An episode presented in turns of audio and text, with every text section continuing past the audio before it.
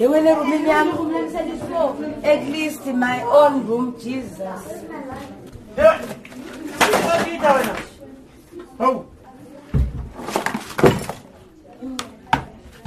Matrasse in klein kamertjies word omgekeer en laaie en sakke uitgeskit.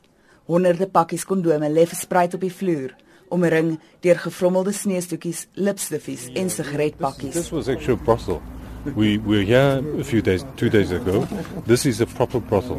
The condoms, we found small packets with traces of drugs inside. This was actually one of the houses that was attacked by the community. But you can, you can, you can see two days later they're back to operation, back to normal. Curtains up, you see the glasses were broken. So two days later they're back in business. Die Gautengse ALR vir openbare veiligheid, Michael San, is in beheer van die klopjag. Hulle deursoek 'n blombedding wat na urine ruik en gooi klippe en gebruikte kondome op 'n hoop soos hulle vorder. Elders op die eiendom blaf 'n polisiehond.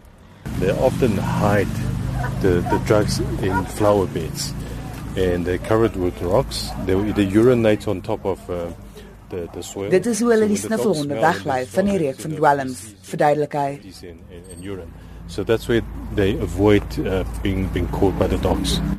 Die vroue wat in die huis werk is jonk, sommige kinders.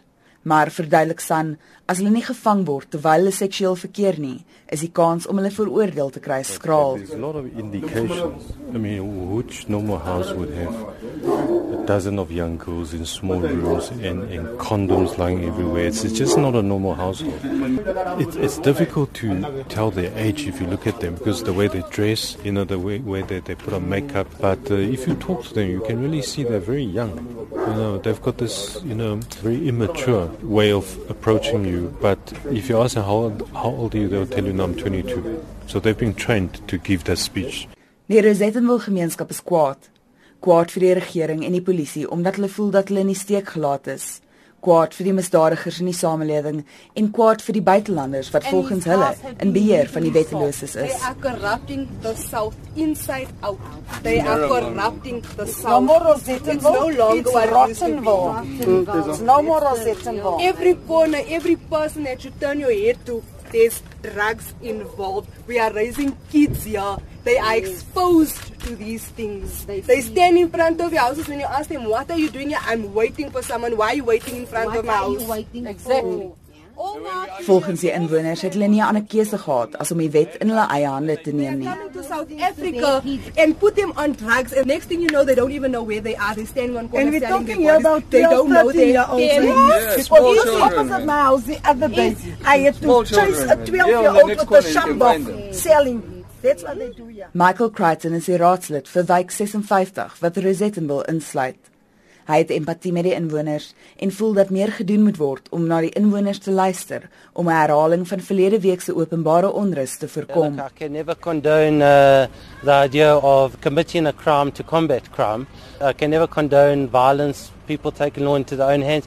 But uh, in, on the same note, I also cannot ignore their issues. The people are saying to us, this is a problem. And so we need to step in and assist them.